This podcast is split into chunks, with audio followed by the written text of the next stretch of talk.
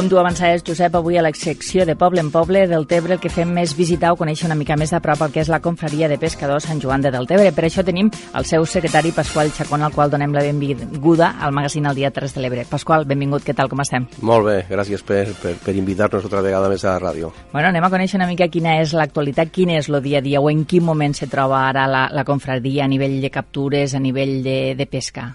Bueno, pues la cofradía de pescadors de Deltebre, eh, com se troba, pues se troba com fa 35 anys, anem cada, cada any anem augmentant una mica més per les espècies, el que passa que també tenim una espècie que és l'angula, que també nos, nos complementa més l'any que tenim més o tenim menys.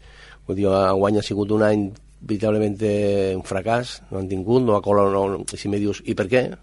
Pues, perquè el temps no ha acompanyat, no ha, sigut, no ha sigut un hivern fred, no ha hagut temporals, llevantades, i esto nos perjudica un poco el nivel económico de ingresos de la cofradía, pero veritablement pues estem en, anem augmentant cada any entre un 6 i un 8% los ingressos i les captures. I a nivell d'Angola, com s'ha tancat la, la temporada, que tu dius que molt, no sé, en comparació de l'any passat, per bueno, exemple? pues en comparació han fet un 60, entre un 50 i un 60% menys que l'any passat, sí i, i, i, i quasi un 100% menys que fa dos anys. Eh, no té explicació. Vull dir, és el que nos pregunten cada any, durant 30 anys preguntant com ha anat, com ha anat, pues, l'Angula necessita pues, uns requeriments de, de temps, de l'aigua, que baixi aigua, que faci pues, està llevantada, que és la que trau l'angula al litoral, i enguany no l'ha fet. Però bueno, a banda de l'angula, el que són la resta de captures més o menys són estables. A nivell de, de tallarina també som un dels ports no? que, sí. que més captures fa. Bueno, pues a nivell de tallarina som segurament el port més important del Mediterrani. Eh, enguany sí que te puc dir que l'estiu del 2018 ha sigut un estiu, un estiu veritablement eh, molt bo, han passat de les 100 tonelades segurament. Eh, I a part de que ha anat molt bé i tenim molt de personal que se dedica a la tallarina, ja te dic, con la importancia que tenim a, a nivell del Mediterrani, eh, procurem mantindre con un pla de gestió molt important que tenim sobre la tallarina. Uh -huh. Perquè, clar, suposo que és com tot, no? S'han de regular les captures o eh, estan regulades a, avui en dia o no? Sí, les tenim regulades a, a, tra a través d'un pla de gestió que fa quatre anys que han ficat en marxa i nos funciona molt bé, en el qual limitem no, únic, no les captures perquè creiem que és molt difícil, però limitem els horaris. ¿no? En este moment solo se está autorizado la pesca a dos horas diarias, eh, limitem la, la, les talles a través del, del rastrell autorizado, pues digo, anem incrementant tot això que al final el que suposa és un valor afegit al preu que nosaltres podem tindre a l'hora de la subhasta. Uh -huh. I a nivell d'altres espècies, no sé, ara tots pensem una mica invasores, però ja arribarem al cranc blau. Abans del cranc blau. No, no crec que se le pugui dir al cranc blau una espècie invasora, perquè no lo és. Yo siempre... El cranc blau és una espècie com jo, no? Un nou vingut a, a una zona, no? Pues dir jo, i hay nou vinguts que, que venen per quedar-se i es queden i s'adapten i a part puc dir, i en este moment és el, la principal venta i l'ingreso econòmic de la cofradia para molts pescadors que estan habituats a, a, a, cierto, a ciertas pesqueras i ara s'han adaptat i anem al cran blau i, i esto nos ocasiona ingressos importants, un, no únicamente para nosotros, sino para todo el territori i nosaltres no la tenim com una espècie invasora, perquè si no, en una espècie invasora podrien ser moltes coses, no? Jo me'n recordo, pues, fa 20 anys atrás, nosaltres no agafàvem polp, i l'any passat van fer 64 tonelades, ho diu que és una espècie invasora, no, és una espècie no vinguda per, per ciertas características que, que es fan, ¿no? Y además, estando como estem en la, en la plataforma del Taika, eh, las especies suelen vindre per aquí, no?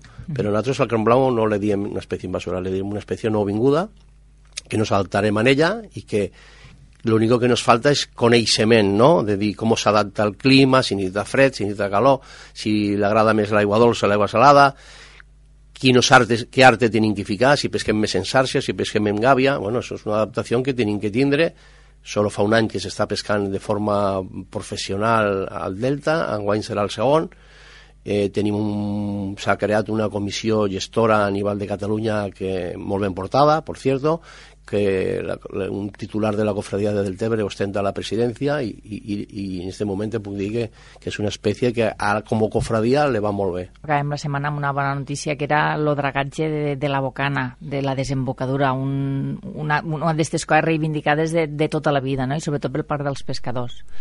Pues sí, pues sí, nosaltres vam estar molt contents els pescadors, sempre hi ha gent que, que no que parla sense saber a vegades, però per nosaltres, claro, és que cuando uno parla de los demés, y es lo que yo diga l'altre dia, esto es una, una, una inversión que fa l'Ajuntament, que pot anar bé o pot anar malament, no se sap.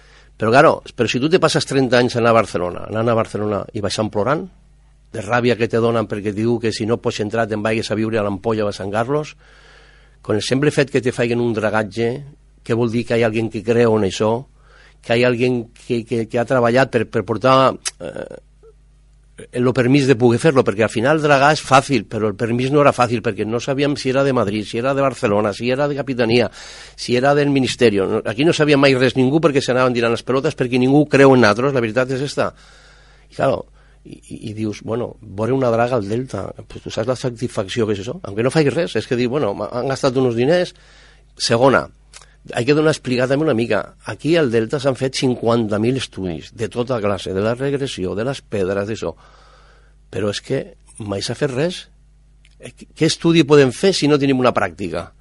Per nosaltres, els pescadors, nos prenem este dragatge, que, ja, que vindrà un temporal de llevar i no taparà, pues sí, perquè vivim aquí, és que si el que no cregui això és que és tonto. Però sabrem, com ho diem l'altre dia en el capità del barco, si fem un dragatge sabrem l'arena d'on s'ha tirat, han de fer cap esta arena, quant ha durat este dragatge, d'on podem anar, si lo estem fent bé, si lo fem malament, perquè si hasta ara eren estudis de cada classe i cada un una cosa, no, no servia. Nosaltres estem molt contents. I al final, tot això, té que donar una miqueta de força a un departament, que és l'IDC, que és el Clar. que veritablement té que mantenir este dragatge, perquè és que se gaste 4,5 milions de pressupost per a dragar des d'Amposta a Tortosa, crec jo, des de mi humilde pensament, humilde, no nos servís si por la boca no me entran los barcos necesarios para dar una vida turística, gastronòmica i una navegabilitat correcta. Clar. Això és el que volem, que passe a dependre, perquè l'Ajuntament sí que pot fer un, podrà fer un dragatge, o podrà fer, o com la cofradia en els anys 90 va fer un dragatge i se va gastar uns diners que va durar 24 hores en aquella època, però era per reivindicar que aquí estem, i aquí viu gent, i, aquí, i, i la pesca és importantíssima, i ja no me fico en la pesca, i te torno, i torno a dir, del Tebre, no del Tebre, del Tebre, Sant Jaume, molta gent depèn del turisme i del sector pesquer. I es podria potenciar encara més no, el turisme de, de navegabilitat, el turisme pel riu. Com? Totalment, és que totalment. És que, claro, ¿sabes què passa? Que normalment la, la gent que, que, que no critica, sinó la gent que, que, que parla, i no parla massa bé d'aquests actes, tiene un desconeixement total de lo que està fent, no? Per què? Perquè tu saps la gent que truca al club nàutic per a poder entrar pel riu? La cantidad de gent de barcos que van a atracar Cambrils o van a acabar, o, o que atracan en, en, en Hospitalet, que volen vindre a veure el río, el major río d'Espanya, el delta més important d'Espanya, el delta més important de Catalunya. Però això qui se lo creu? Al final, la conclusió es diu, quina llàstima que viviu poca gent.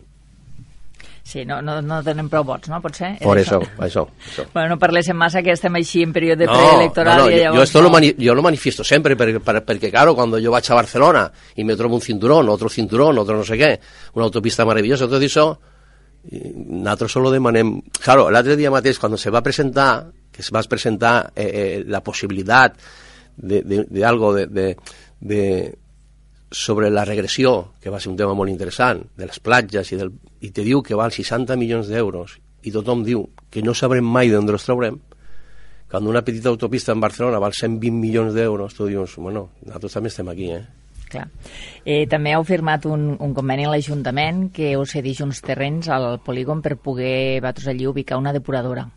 Pues sí, nosaltres no únicamente una depuradora, nosotros desde fa dos anys, dins de lo que son las normativas sanitarias de la Comunidad Europea, nos obliga a depurar la tallarina, que antes no, no, no lo fea, i nos van poner una miqueta obligats a fer una, depura, a, a fer una depuradora, que és la que tenim en este moment, però, claro, eh, el puesto que tenim la cofradia al Delta és molt bonic, però no tenim més amplius per a fer, no?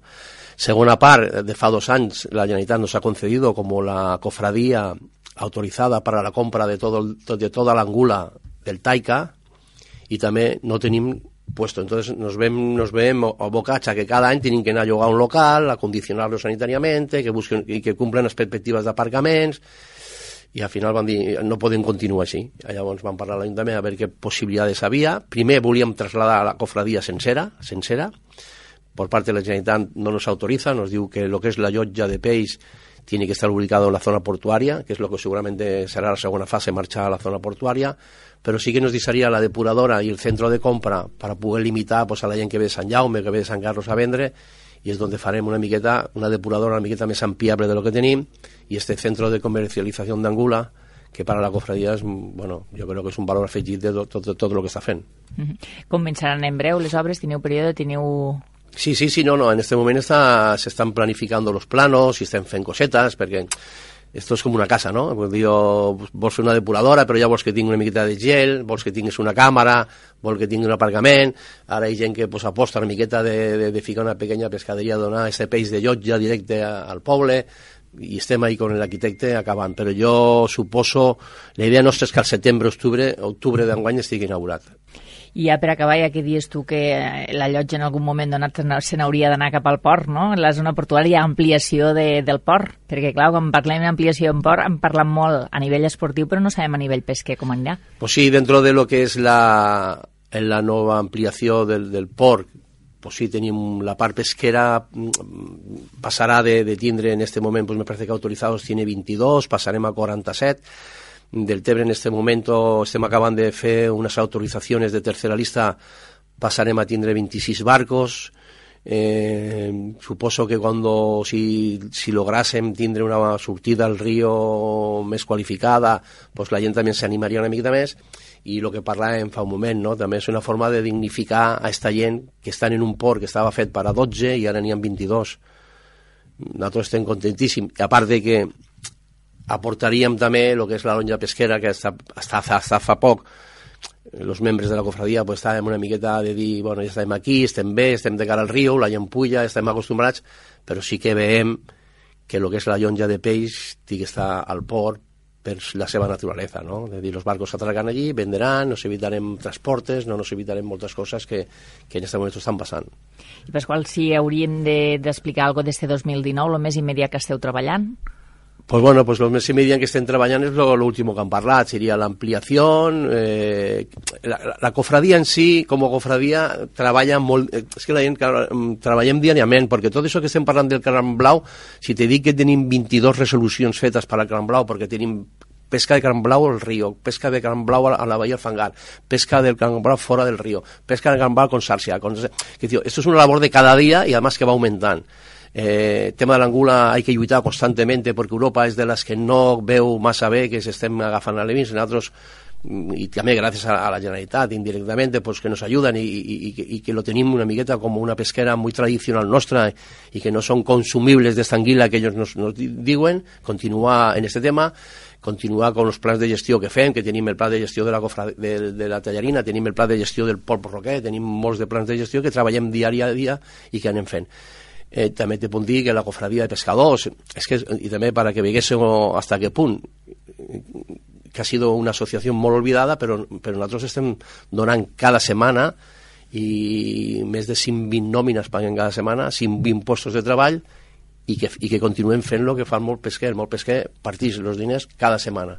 Això és per a un poble com el nostre retribuís uns ingressos importants i nuestro, nuestro futur és continuant i, i anar abarcant. Està la lotja, que supongo que també serà més, allà més llarg plaç, perquè ja saps que potser los, los, los, los permisos per a poder construir o per a poder arribar al port serà una miqueta més difícil, però si, si arribés, pues, nosaltres marxaríem allà baix pues bueno, estirem atents a tot allò que vagi passant i quan tinguéssiu novetats ja ho sabeu, aquí teniu els micros a, a, la vostra disposició per anar-ho explicant.